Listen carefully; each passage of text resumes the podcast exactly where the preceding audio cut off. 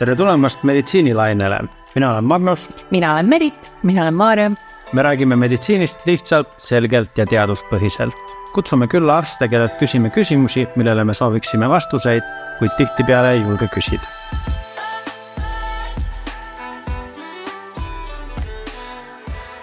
võtame beebide naha pealaest jalatallani ette.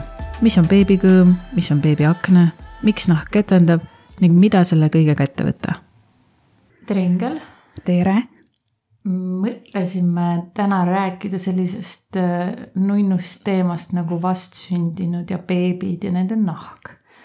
mis teinekord ei ole üldse nii nunnu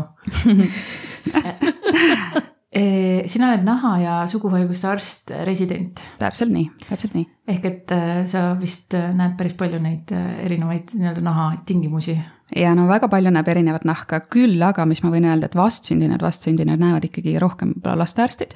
Äh, aga noh, sellegipoolest jah, näeme igas vanusegrupis patsiente, inimesi, mis on päris tore. ma just mõtlen, et võib-olla üks äh, kõige suuremaid või mis suuremaid üllatusi, aga selline väike üllatuse pakett ongi siis, kui see väike nunnu armas beebi sünnib ja kõikide piltide peal ta on selline roosa ja nunnu, aga teinekord on hoopis selline lilla ja krimpsus natukene eriti kui ta on vastsündinud. Eriti... eriti kui sul on book itud see fotograafi sessioon, eks ja. ole, siis ta on punane ja ketendab ja absoluutselt. aga miks ta siis on punane ja miks ta ketendab? no siin peab arvestama seda, et äh, beebi on olnud seal liga üheksa, ligemale kümme kuud ema kõhus veekeskkonnas mm -hmm. ja nüüd ta tuleb järsku välja ja enam ei ole veekeskkonnas, eks, et see kliimavahetus, kui nii võib öelda, on äh, noh, päris mm -hmm. markantne. ja, äh, ja teise poole pealt me võib-olla oleme harjunud mõtlema, et, et beebi küpseb kõhus valmis mm -hmm. ja siis sünnib ja siis on tehtud. Ähm, aga tegelikult ta ju areneb ka kõhust väljas järjest edasi. sama kehtib selle äh, meie nahaga või beebi nahaga, et ähm, seal kõhu sees, kui ta on ema kõhus Äh, veekeskkonna eest kaitseks on beebi ka kaetud äh, lootevõiga mm. -hmm. Mm -hmm. selline valk ja sihuke libe, mis teda kaitseb, aga samal ajal see lootevõide ei äh, lase sellisel väliskeskkonnas normaalsel naha vahetamise protsessil hästi toimida, et meil pealtpoolt surnud naharakud tulevad maha ja alt kasvab uus nahk asemele, aga kui on beebi on selle lootevõidega kaetud, mis teda vee eest iseenesest kaitseb, siis selle võide alt see naharakud ei saa pealt nagu maha tulla mm. -hmm. see tähendab, nad on nagu oleks kinni seal naha peal, mis mhm. tähendab, et kui ta on sündinud, lootevõide on sealt maha kulunud või pestud, siis seal esimeste paari nädala jooksul hakkab ta kooruma nagu väike sisalik, see on täiesti normaalne protsess, see on lihtsalt seesama nahk, mis peakski olema juba nii-öelda maha tulnud, aga ta ei ole saanud seda seal ema kõhus teha. nii et see on täiesti normi variant. ja sama, et miks nad on punased Äh, seal on siis seotud äh, vereringe arengu ja valmidusega ja jälle selle kliima ja temperatuuri vahedega, et äh, ema kõhus on selline mõnus kolmkümmend kaheksa C, väike mullivann, aga nii kui ta tuleb väliskeskkonnast välja, meil on siin külm ja kuiv tehniliselt võrreldes selle ema kõhu keskkonnaga, nii et, et sellest ka see punetus, mis läheb ikkagi esimese paari nädala jooksul normaliseerub. küll aga võib näha, et käed ja, ja jalalabad sageli on pikemat aega natuke sinakad või punakad mm, -hmm. mis siis on ka, et see kehast eemal olev perifeerne vereringiga võtab grammikese kauem aega, et küpseda mm. täiskasvanule sarnasemaks väga huvitav see, seesama, et, et kui ma mõtlengi, et kui ma olen nüüd üheksa kuud olnud basseinis ja siis tulen välja, siis ma justkui mõtlekski, et see nahk nagu tahab päris kiiresti mul siis vist ära kuivada mm. -hmm. ja et selle, seda on ka näidatud, et et kui beebid on kauem kõhus, need, kes nii-öelda üle aja kantud mm, -hmm. siis neil on seda kestendust nagu rohkem mm. -hmm. et äh, ka ilmselt sellepärast, et noh, loogiline ka, nad on kauem olnud, eks ole, ja siis selle võrra on seda nahka noh, rohkem kasvab alt peale, kui maha saab tulla, et et jah, seal on nagu kaks, kaks tegurit, üks on see veekeskkond ja teine on siis seesama see lootevõie, mis on nagu selle vee eest kaitseks, aga, aga mõlemad paraku mõjutavad seda nahka niiviisi, et äh, välja tulles hakkab teda natuke kooruma, jah. aga mis ma selle väikse sisalikuga siis peale hakkan? ma olengi, tulen temaga koju ja no las ta kestendab, on põhi, põhimõtteliselt see vastus, et sellega ei pea otseselt midagi tegema okay.. Äh, küll aga see enamasti jah, kipub vanemaid rohkem häirima kui mm, -hmm. kui lapsi ennast, et äh, eriti kui sealt peopesadelt ja talgadelt see nahk tuleb maha mm, -hmm. siis sealt ta võib olla küll altpoolt äh, esimene päevake sihuke puna, punetav veidi ja võib natuke ehmatada ka eriti uusi vanemaid, eks, et võib, võib sa kreemitada näiteks puhta vaseliini baasil või Aquaphor või mis sellised natuke nagu beebisõbralikud salvid ja kreemid on, neid, neid võib panna, puhas vaseliin on selline üldine hea soovitus, aga otseselt ei pea, pea midagi tegema. -hmm. et äh, pehmed beebiriided selga ja, ja las, las ta vaikselt ise tuleb sealt naha pealt ära. et äh, midagi koorida või niiviisi tõmmata neid, aidata kaasa, et seda kindlasti ei tasu teha Mhm. Et äh, see. Sugarboy skraab ei ole vist see teema. jah, jah, et äh, igasugused skraabid ja asjad võiks, äh, võiks jätta emme-lissile endale, kui on soovi, et, et beebile neid ei ole vaja. see nahk tuleb sealt ise maha, kui ta on selleks valmis ja ta kaitseb seal all olevat mm -hmm. veel kasvavat nahka mm. -hmm. et seda niiviisi kaasa aidata ei ole vaja, ta tuleb ise ära mm. -hmm. kui aga tundub, et see on natukene võib-olla üles ärritatud sealt kooruma naha alt või midagi seal häirib, voltides, mis iganes, siis äh, niisutavat salvi võib sinna panna, kui on soovi aga vajadust, vajadust ei ole, sest seda ei pea ravima. sa ütlesid äh,, nimetasid vaseliini, siis mingit Aquaphor. Aquaphor jah, see on nüüd äh, ma ei tea, kuidas selle brändi nimede nimetamisega on, aga mõte on selles, et eelistada natukene mineraalõli baasil võib-olla salve okay., niisuguseid natukene paksemaid äh,. miks eelistada salvi üle kreemi, meil vist pidi ka jutuks tulema siin, aga salvis on üldiselt vähem säilitusaineid, sest ta oma olemuselt säilib paremini, et mm. -hmm ütleme mitte, et. ma mõtlesin, ma olen terve elu arvanud üks sama asi. Äh, äh, salvi ja kreemi vahe on, ütleme, see paksus, et kui palju mm -hmm. on vee ja rasva nii-öelda vahekord. et salvid on paksemad mm.. rasvasemad siis jah? jaa, võiks öelda küll nii jah. muidugi rasval ja rasval ja õlil ja õlil on ka vahe, et see on juba mm -hmm. ka veel eraldi teema mm,. aga Äh, miks võib-olla eelistada salvi, kes on nagu väga siuksed äh, võib-olla natukene pelglikud erinevate kemikaalide osas.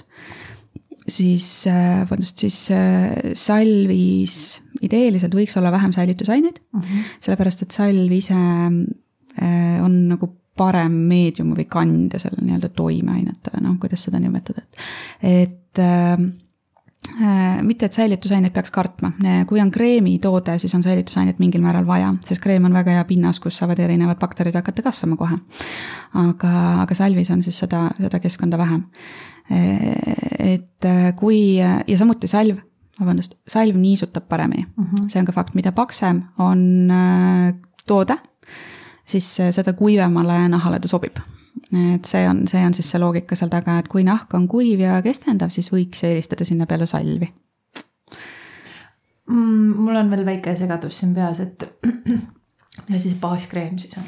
baaskreem on siis äh, kreem või salv, mida mm -hmm. saab apteegist osta, mis ei sisalda minuga arsti mõistes toimeainet ehk siis nii-öelda retseptikreemi okay.. ehk siis äh, kõik, mis äh,, kõik, mis on käsimüügis, ütleme siis lihtsustatult, põhimõtteliselt on, on siis baaskreemitamine ja see on, ma kindlasti mainin seda sõna siin täna mitu-mitu korda, on just atoopilise dermatiidi puhul hästi, hästi oluline, olulisel kohal selles nahahoolduses. tavalise või terve vastsündinu, kas on vaja kreemitada või mitte, kui nahk ei ole kare ja ei ole kestendav, siis tegelikult otseselt vajadust ei ole. aga sageli me näeme, et ikkagi kuskil on säärekene on kare või kuskil natuke kestendab, et siis esimene mõte olekski, täiesti õige mõte, panna kreemi peale. ja siis äh, sealt juba edasi tekib, et mis kreemi panna, et äh, täitsa vastsündinutel või väga kareda naha puhul võiksid eeliselt eelistada salvi üle kreemi, aga need ei ole sada protsenti reeglid mm. -hmm. aga kas kas äh, beebide puhul on oluline see, et see salvekreem ei sisalda mingeid lõhnaaineid või, või? jaa, mida võiks jälgida, on äh, parfüümained, et ei sisaldaks okay.. Ähm, minu esmane soovitus tavaliselt on vaadata apteegist selline toode, millel on peal ikkagi kirjas, et sobibki väikelastele, beebidele ja miks mitte ka vaadata midagi, kus on näiteks Eesti Allergialiidu heakskiit sealjuures. Mhm. et sellisel juhul võiks eeldada, et see toode ei sisalda niisuguseid enam tuntud äh, võib-olla allergi- või enam levinud allergeene näiteks mm. -hmm ideeliselt lõpuks, mis on oluline, on see, et endale ja lapsele tundub, et see kreem meeldib ja sobib mm. -hmm. et mina võin öelda ükskõik mida või mm, -hmm. või naabrinaine või äh, ma ei tea, buduaar või mis iganes, on ju. et äh, oluline on see, et endale meeldib, sest äh, kui kreem ei meeldi, siis ta jääb sinna tuubi sisse riiuli peale ja siis tast ei ole mingit kasu.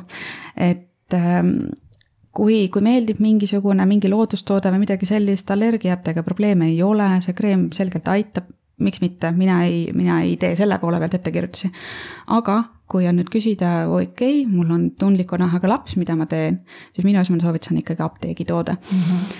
mõned on väga loodustoodete usku, jälle, nagu ma ütlesin, see ei ole otseselt vale ega halb, äh, loodustoodete või sellise käsitöötoodete, öko, möko ja nii edasi osas äh, minul tekib alati natuke küsimus, et mis tingimustes tegelikult see toode on loodud, kas need kõik need steriilsusastmed on säili-, jälgitud, säilitatud äh, ja nii edasi mm. -hmm. et see on see, kus minul natukene tekib küsimust või kuskil, kus on kirjas, et oo, ei sisalda mitte ühtegi säilitusainet, siis mulle tekib jälle küsimus, aga kuidas me siis tagame selle, et kui ma teen selle tuubi lahti ja hakkan seda toodet kasutama et ta siis säilib noh, ütleme bakterite vaba jah, et, et ma saaks teda reaalselt kasutada, et see rasv või õli, mis on seal sees, et see ei rääsuks. -hmm. et selle tõttu ma pigem eelistaks äh, või soovitan äh, erinevaid apteegisarja tooteid, mis sageli on ka tegelikult, ma ei tea, termaalvee baasil, looduslike ühendite baasil, mis võiksid teha kõiki neid samu häid asju, mida nii-öelda need ökotooted, aga, aga nad on pandud kontrollitud keskkonnas kokku ja neid tingimusi täidetes, täites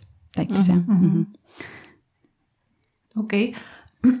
nii, ütleme keha saime ära kreemitatud aga nüüd, nüüd on näos mingi punniline lööve, no mis asi see on äh,? oleneb natukene, et kui vana laps on, et äh, punnilisi lööveid tegelikult on, äh, on rohkem kui üks äh,. tavaliselt, kui, kui beebid sünnivad suurel hulgal, ütleme kahel kolmandikul neist ligemale, võib näha väikseid selliseid kollaseid punnikesi kas nina peal või seal lõua peal, põskede peal need on kas miiliumid äh, või lihtsalt rasunäärmete ülekasvamised, et äh, need ei, mis, mis neid võiks maha rahustada neid nähes, ema, isa, mõlemat, on see, et põletikku kui sellist ei ole. Need on ainult väikesed kollakad, valgeskollakad punnikesed Äh, need on rasu ja, ja surnud naharakkude väiksed siuksed nagu süstikesed või, või siis laienenud rasunäärmakesed seal näo peal, nendega ei pea mitte midagi tegema, need lähevad ise üle nädalate möödudes. aga jah, selle vastsündinu fotosessiooni nad võivad natukene ära rikkuda, aga, aga need on täiesti normaalne nähtus, nad on, seostatakse selle rasunäärmete aktiivsusega, kui loode on kõhus et ema suguhormoonid mõjutavad, mõjutavad last ja natuke aktiveerivad neid sama rasunäärmeid, mis meil teismelise eas hakkavad seda aknet tekitama mm. -hmm. et, et nendega ei ole mitte midagi vaja teha, nad on tavaliselt olemas juba sündimise hetkel ja seal paari esimeste nädalatega kaovad ära ehm, mis veel äh, on väga sage, mida nähakse, okei okay,, võib-olla mitte nii väga näopiirkonnas, kuigi ka seal, aga ka keha peal on see higilööve. et kui laps on olnud liiga soojalt äh, riides, siis äh, tekib selline punased, natukene ärritunud niisugused väiksed punnikesed sinna rindkere peale või näo peale, põskede peale. tavaliselt tekivad sellest, kui higinäärmed on veidikene ära ummistunud siis on oluline, seal võib küll rahustavat salvi natuke panna või kreemi ja vaadata, et äh, riided, mis oleksid vastu beebinahka, oleks võimalikult hingavad. eraldi on siis veel vastsündinute akne, mis äh, erinevalt sellest rasunäärmest või miiliumist tekib seal mitte kohe sünnihetkel enam, vaid enamasti kuskil seal võib-olla kolmandal elunädalal, neljandal, kuskil sealkandis. Ja seostatakse ikkagi samamoodi ka jälle nende ema suguhormoonidega, mis seal lapsele edasi kanduvad. ei ole ohtlik äh, ja ei vaja otseselt ravi, on isemõõduv, et ähm, võib natukene rahustavat, niisutavat kreemi panna, aga otseselt mingit suurt vajadust seda ravida, ravida ei ole, see ei armista ega, ega midagi sellist ta ei tee natuke vanematel lastel, kui me räägime juba mingid pooleaastased ja sedasi, äh, vähemalt ütleme kolme, kolmandast elukuust alates, siis võib tekkida sellist äh, imikuaknat, äh, mis on natukene teine asi. et seal, kui ta on väga leebe, ei pea otseselt midagi tegema, aga kui tundub juba, et noh, mul on väike beebi, aga nahk on selline teismelise nahk, et siis on see moment, kus võiks käia nahaarsti juures ka sellega, helistatavalt isegi laste nahaarsti juures kes on sellega kok-, rohkem kokku puutub. aga selline mõõduv, kerge vinnilisus, punnilisus äh, vastsündinu ühekuuse beebi näo juures ei, ei ole midagi ohtlikku ja seda otseselt ei pea ravima. Need on sellised äh, ema ja lapse hormoonide tasakaalu vahelised äh, paikaloksumised, ütleme nii mm. -hmm. Ingel, kuidas ma teen vahet, et need punnikesed nüüd põse peal on higilööve, aga need punnikesed nüüd põse peal on see imikuakne no.? Äh, millal nad tekkisid. et kui, äh, käisite õues jalutamas, oli mütssall, torusall ja mingi kolmas asi seljas ja siis tuled tuppa ja võtad riidest ära ja siis on äh, põsk punniline ja natukene puna, punetav baasis ka veel seal ja kaelavolt on higine, siis, siis võib eeldada, et see on niisugune higilööve, et äh, läheb enamasti kiiresti ise mööda. See imiku akna võiks olla veidikene pikemalt püsiv, et ei ole nii, et õhtuga juba rahuneb maha, et, et kestab ikkagi mõned nädalad kas ma saan õigesti aru, et see higilööve võiks idee poolest siis juba tundidega mööduda? Idee poolest võiks, aga kas ta seda alati teeb, on nüüd nagu iseküsimus, aga seal tavaliselt meid aitabki see, et mis hetkel ta tekkis, enamasti see tekib ikkagi siis, kui on näiteks õuest tuldud või suvel, kui on väga-väga palav ilm, et siis me juba ise võib-olla seostame, et, et on palav ja laps higistab. Ehm, aga, aga teine, teine moment jah, kus me seda näeme, on see, kui natukene liiga kubujusiks on need lapsed kokku pakitud ja siis äh, lihtsalt veel riidekihtide vahelt ei hinga. et, äh, et peab arvestama natukene sellega ka, et need tänapäeva vankrid on nii head isolaatorid, et et et seal vankri sees võib olla see temperatuur ikkagi palju soojem, kui ta on väljaspool, et seal mm -hmm. kipub natukene natuke jah, seda higilöövet tulema. Mm, ja higilööve võiks visata rohkem sinna kere peale ka, et kui ei ole nagu selgelt näha, et oli see torusall oli ümber kaela ja, ja põskede ja täpselt sea, sinna siis see lööve ka tuleb. et et see võiks, see võiks olla see, mis aitab meil eristada natuke aknast ja, ja higilööbest. oota, ma käin. Sorry, Magnus. nii, aga, aga mul on selline küsimus, et noh, mida mina olen kuulnud väga palju siin emad, emad ja teised ütlevad, et no näed, nüüd on poisil on punn põse peal, sa sõid šokolaadi eile. noh, just kui oled, kui oled rinnaga talle ema et mhm. kas, kas siis minu nii-öelda menüüga siis kellegi põse peal ennast nagu laiali laotada? väga kirglik teema mm. -hmm. ametlikult ma ei saa öelda, et, et oleks leitud suuri seoseid. et äh, kui just lapsel ei ole väga väljendunud ja teada toiduallergiad, siis üldkonsensus on see, et emad ei peaks oma menüüs äh, piiranguid tegema. et ega see šokolaad ei lähe otse, söön sisse ja läheb otse vupsti rinnapiima, et see lõhustatakse ära, jah, sealt me saame suhkrut, see suhkur läheb vereringesse ja, ja see on siis see, mis sealt läbi vereringe jõuab siis rinnapiima. kui nüüd väga suurtes kogustes tarbida X-i või Y toodet või siis ütleme suhkrut, mis me sealt šokolaadist siis muud ikka saame kui suhkur, on ju. Ehm, mingil määral äh, kindlasti võiks tõsta rinnapiima suhkrusisaldust, suhkur jälle on põletikku käimas hoidev tegur keres, mitte ainult naha puhul, kõikide, kõikide organsüsteemide põletikude puhul. Et mingid seosed selles mõttes seal saavad olla, aga ühtegi sellist suurt paikapanevat uuringut, mis ütleb, näed, sina ema sõid kaks ruutu šokolaadi liiga palju, nüüd su laps on punniline ja sina oled süüdi. et sellist äh, ei ole ja ilmselt kunagi ka ei tule, et seda on väga Snickersi raske Snickersi lööve täpselt, seda on väga raske on objektiviseerida sellist Snickersi löövet, et see nüüd nagu konkreetselt nii on muidugi see on, see on keeruline teema, ma ütlen kohe ära, et üks on see, mida ütleb mingi suur statistiline uuring, et, et kas on või ei ole, teine on see, mida ema kodus enda lapsega ise noh, näeb mm. -hmm et äh, tasakaalustatud, tasakaalustatud toitumist ma niikuinii saan kõigile soovitada, eks, et, et miks mitte rohkem hoida seda joont aga otseselt äh, selles mõttes piirama, ütleme peale alkoholi äh, raseduse ajal äh, toidu menüüvalikust tegelikult ei pea. Vähemalt mitte nahaarsti seisukohast mm. -hmm. mis asi see beebikõõm on? beebikõõm, eks seborrooline dermatiit on ka väga sage, me räägime seitsekümmend protsenti lastest mingil määral teda on. seitsekümmend? ja, ja, ja valdav enamusel et äh, me, see on selline äge teema, seda on täiskasvanu eas ka. jälle siin on need ema suguhormoonid, suured süütlased, soodustavad sellise äh, spetsiifilise lööbeteket äh,. klassikaliselt siis lapse pealael on niisugune kollakas, natuke rasune niisugune ketendus, kett päris suurehelbeline kett võib olla, päris tihke võib olla mm, -hmm. aga seda löövet võib olla ka näiteks näopiirkonnas, voltides, kerenaha peal, et see võib minna ka laialdasemaks. see võib näha päris kole välja, aga jälle õnneks ei ole ohtlik, on isemõõduv äh, ja lapsed ei ole häiritud sellest, et see ei sügele, see ei valuta, üldseisundis midagi häiritud ei ole. jälle asi, mis rohkem häirib ema kui, kui beebit ennast. Ähm, miks ta tekib? Mm, jälle me ei täpselt tegelikult ei tea, me teame, et on äh, piirkonnad, kus on rohkem rasunäärmeid pealae peal, näo peal. Äh, ja siis ema suguhormoonide mõjul, mis jõuavad lapseni, siis nad on lihtsalt nii lähedal üksteisega mm -hmm. seotud, eks tekib selline ähm, lööve. Äh, siin on ilmselt seost ka väikese sellise pärmseenelisega, mis on malas sees ja pärmseen, see on osa meie normaalsest mikrofloorast, ei tähenda, et midagi on temaga valesti, see on põhimõtteliselt meil kõigil olemas. aga kui tema jaoks on see keskkond väga soodne, ehk siis need rasunäärmete tootlikkus on seal võib-olla natukene suurem, äh, siis tal on, tal on hästi tore ja siis ta hakkab seal paljunema ja hästi elama ja keha reageerib sellise kerge põletiku reaktsiooniga talle ja sealt tekib siis see punetus ja kestendus sinna peale ja peale et mis nüüd teha jälle, kui ta on väga kerge leebe, ise mõõduv asi, et otseselt ei ole vaja väga midagi teha, aga kui see on väga väljendunud, loomulikult häirib, eks ole esimene asi on apteegis ikkagi need beebišampoonid. Eh, miks eelistada beebišampooni, mitte täiskasvanu šampooni, on ikkagi see, et eh, beebinahk on natuke teise pH-ga, natukene aluselisem, kui on täiskasvanul.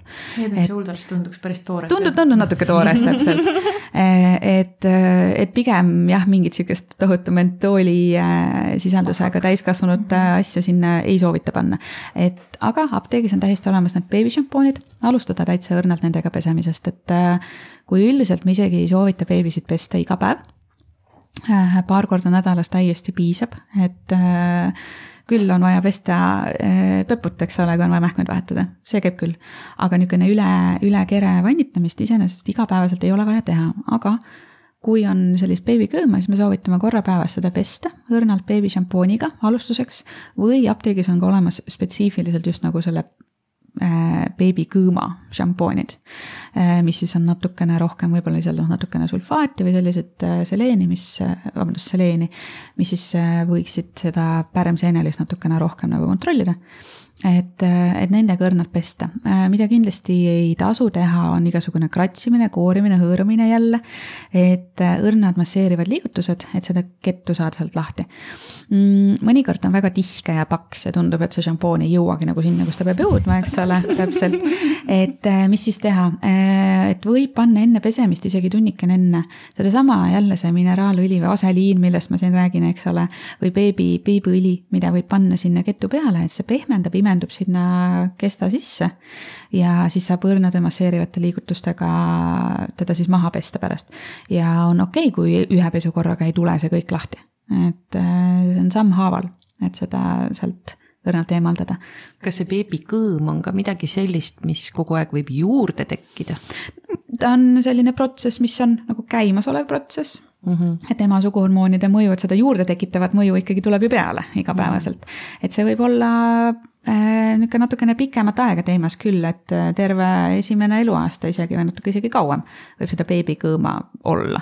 et see nüüd ei ole asi, mis peab tulema esimestel elunädalatel kindlasti, et see võib terve sellise imik-, imikuea jooksul olla natuke võib-olla isegi lainetava kuluga probleem Äh, aga võtted on ikka kõik samad, et kui ta on äh, ägedam või intensiivsem, intensiivsem, siis, äh, siis on need spetsiaalsed beebikõõma šampoonid ja, ja õrnad masseerivad pesuvõtted ja, ja niisugused õrnad äh, beebikammid, et seda kette vaikselt välja kammida sealt juuste vahelt. kui ta on väga-väga jah, paksu koorikuga, sihuke intensiivne, siis äh, võib juhtuda, et tulevad ka juuksed välja, et mõnikord inimesed väga ehmatavad ära, see ei ole ohtlik, need juuksed kasvavad kõik tagasi, et äh, selle, sellepärast ei ole, maksa ärevusse minna.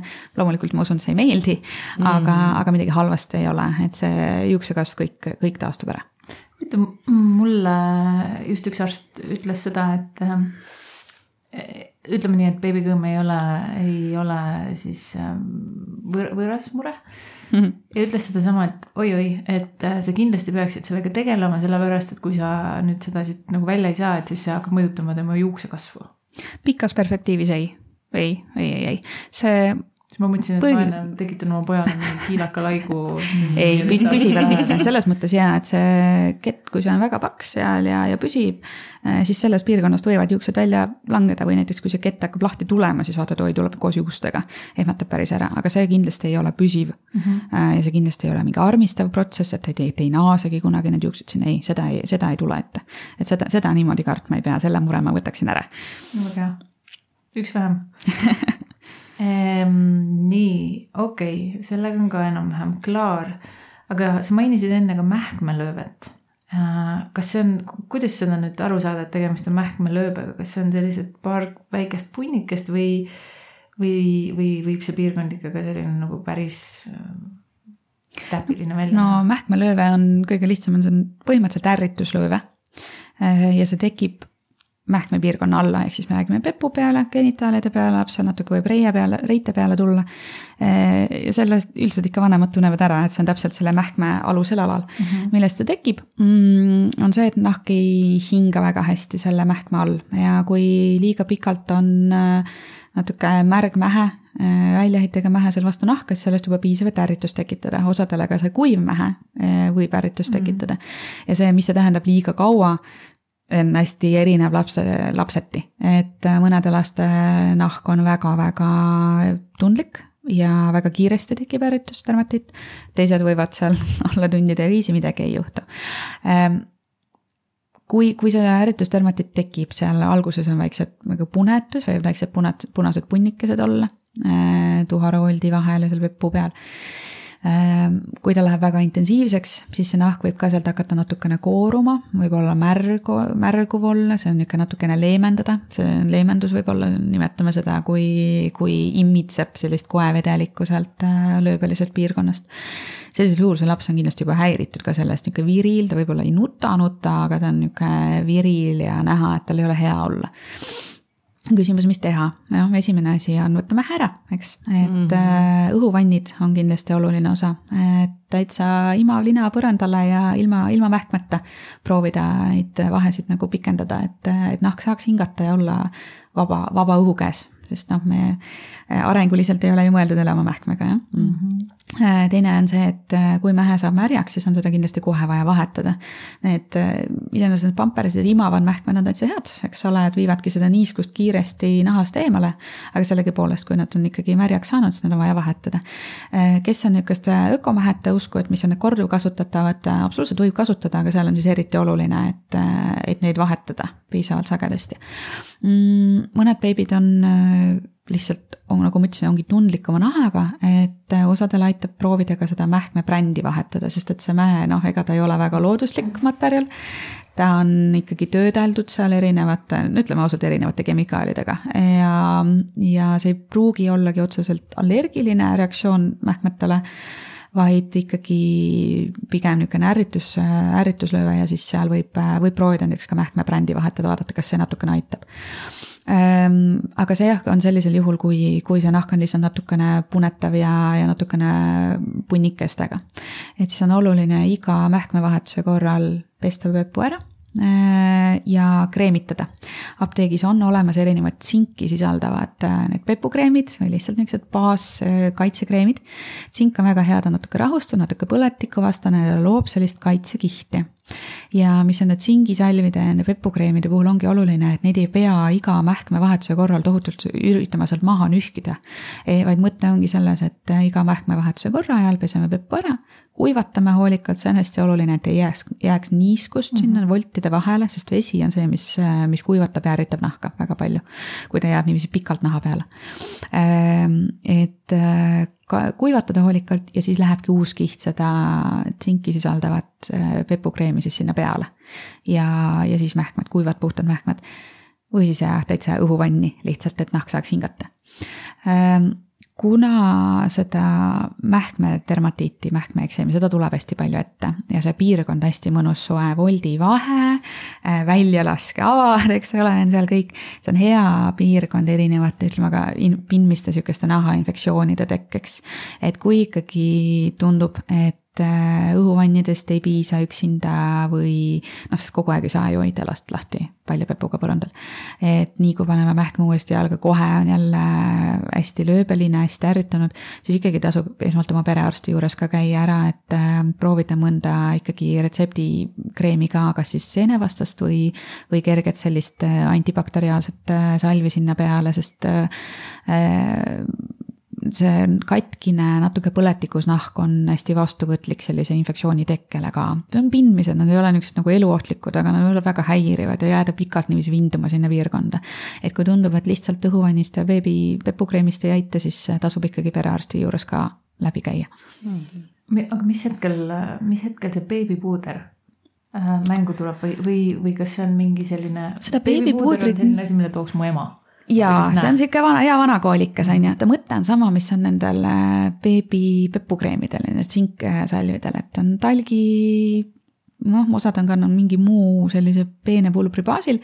mõte on samamoodi katta nahka, kaitsta nahka, imab seda niiskust endale sisse me väga ei soovita enam, vähemalt äh, üld, üldsoovitused enam ei ole kasutada neid beebipuudreid.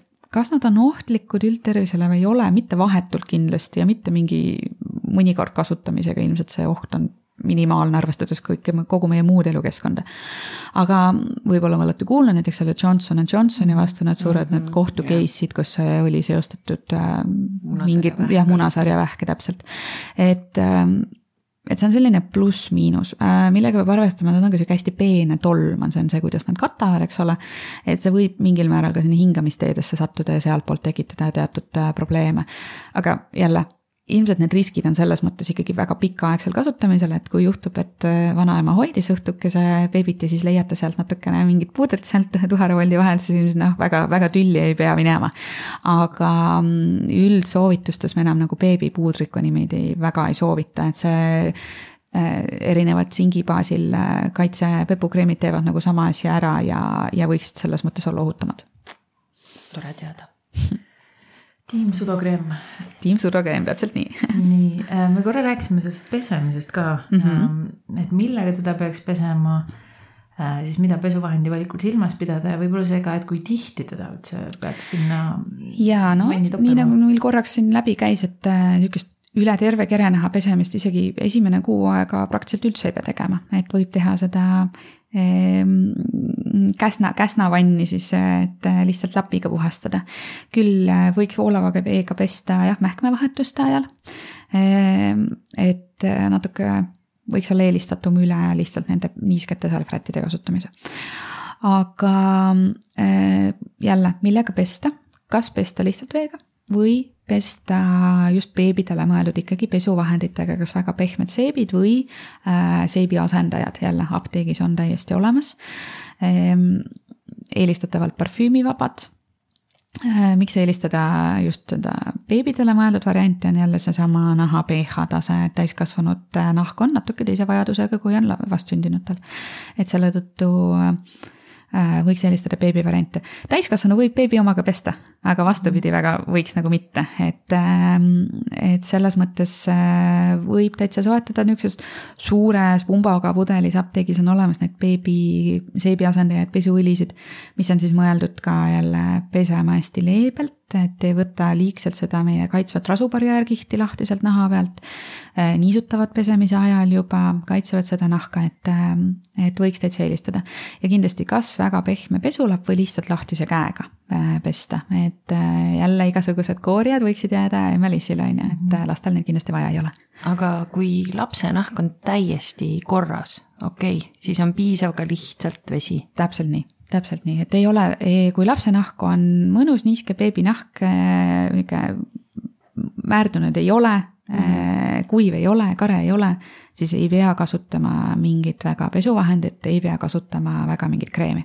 see on nüüd hästi selline hästi sõltuv soovitus, sest et ähm, meie vesi, mis meil kraanist tuleb, on hästi-hästi varieeruv mm. -hmm. Tallinna piirkondades on väga palju noh, seda klooriga vett, mingites piirkondades on väga kare vesi ja need võivad olla natukene ärritavad küll äh, beebinahale või liig, liigselt kuivatavad. et võib juhtuda, et pesta võib küll veega, aga pärast seda tasub natukene ikkagi mingit niisutavat kreemi panna, kaitsvat kreemi. et, et selle vee kuivatava mõju eest seda nahka natuke kaitsta. aga võib tegelikult täiesti lihtsalt veega ka pesta, ei, ei ole kohustust väikelapsel pesta erinevate seepide ja niisuguste pesuvahenditega, et sa ei, ei pea tegema tegelikult.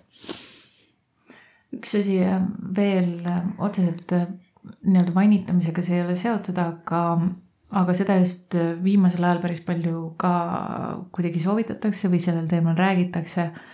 et kui on beebiakne ja nii-öelda probiootikumid mm. -hmm. no on küsimus, et kas need probiootikumid on lapsele või emale või kellele nad nagu mõeldud on? no mulle, talle, kellele. kõigile, kõigile, kõigile, kõigile jah ja. ja.. ühtegi meditsiinilist alust mul väita, et need kindlasti nüüd aitavad ja võiks võtta ei ole. Et kuna beebiakne ja sellised asjad on niisugused sageli isemõõduvad nähtused seal mingi paari nädalaga, siis on natuke küsimus, et, et äh, kas need probiootikumid tõesti omavad mingit tohutut efekti või lihtsalt ongi laps jõuab järgmisesse niisugusesse arengustaadiumisse, mida ta esimese eluaasta jooksul ju läbib väga noh, eks ole, kiiresti.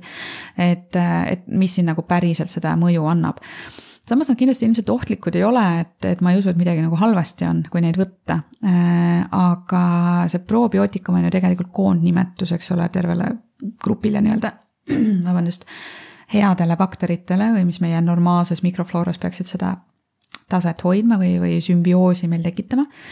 Et äh, kas, kas selles probiootikumis on sees täpselt need asjad, mis siin pere noh, ema ja laste mikroflooras on, on olulised ja rolli mängivad versus ei ole, et et minul ei ole üht, üks-ühele vastuseid sellele, et mm -hmm.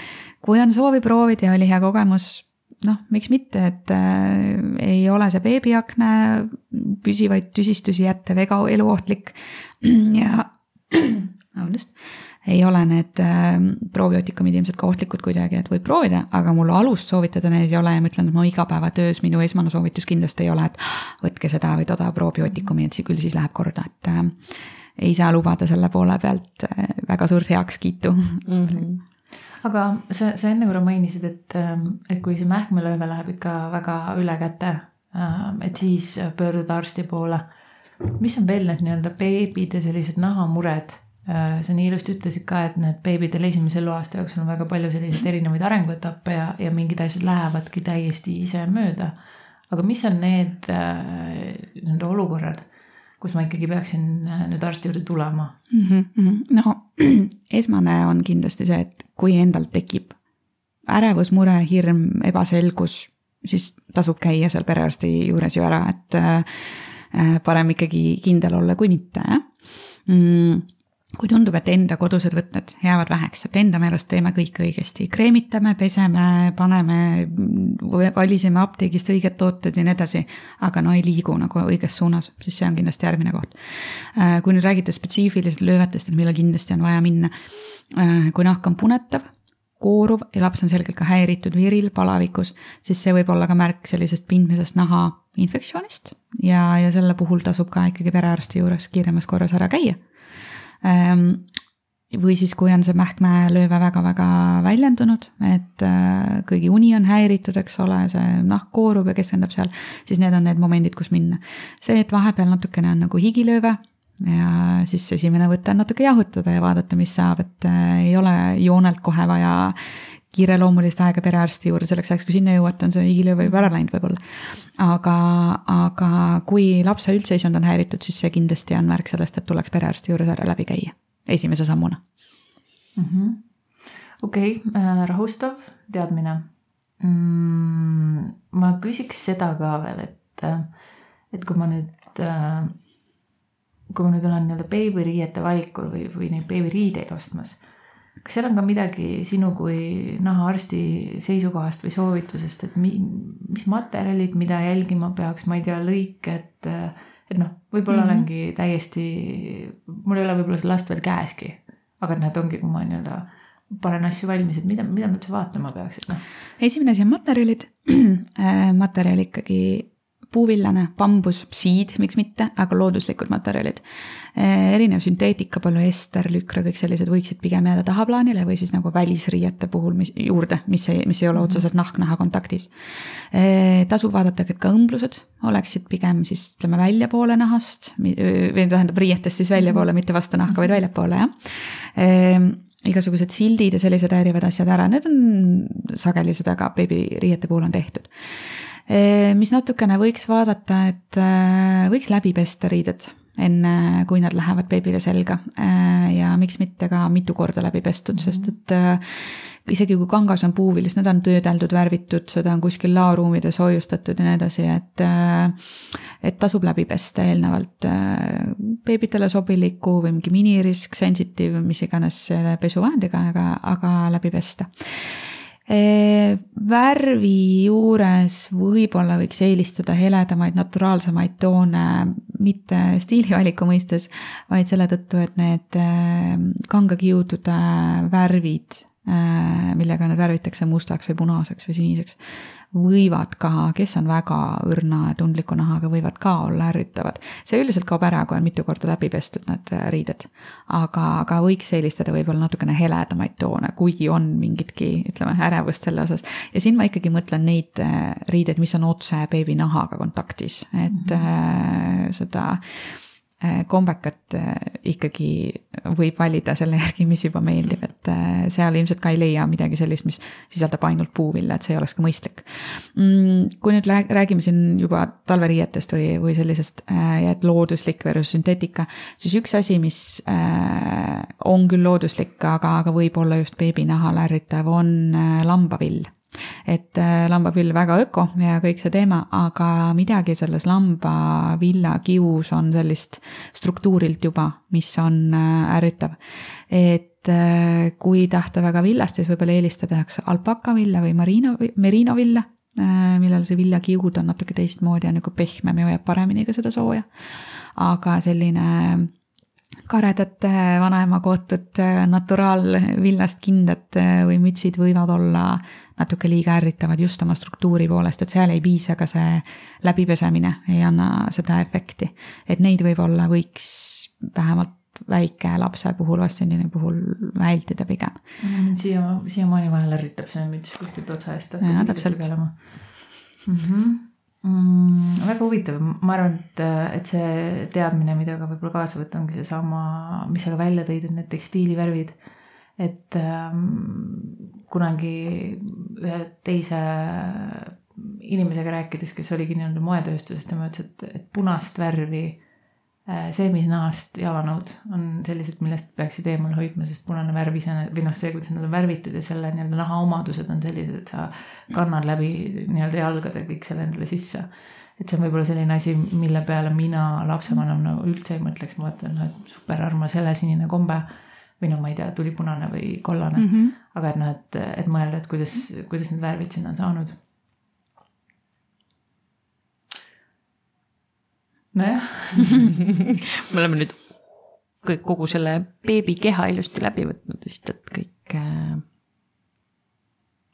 vist ei ole jah, selles mõttes äh, ühte, ühtegi puutumata laiku aga, aga meie poolt sulle suur-suur, suur aitäh mm,. tänan kutsumast. ja, ja ma arvan, et võib-olla, mis meelde jätta, on see, et, et need beebid on tegelikult väiksed ja targad ja tublid ja nad saavad iseendaga päris hästi hakkama, et me ei pea igale poole sekkuma ja, ja igat asja määrima võib-olla kohe. ja, aga mis ma ka ütlen, et kartma ka ei pea, et kui on nahk on kare, siis seda beebile sobivat kreemi sinna peale panna võib, et äh, talupoja mõistusega läheneda ka beebidesse tegelikult täitsa võiks mm,. väga tore suur-suur aitäh sulle, Ingel. tänan kutsumast. aitäh. aitäh, et oled meiega meditsiinilainel. leiad meid ka Instagramist ning postkasti ootame küsimusi ja tagasisidet. kohtumiseni järgmisel lainel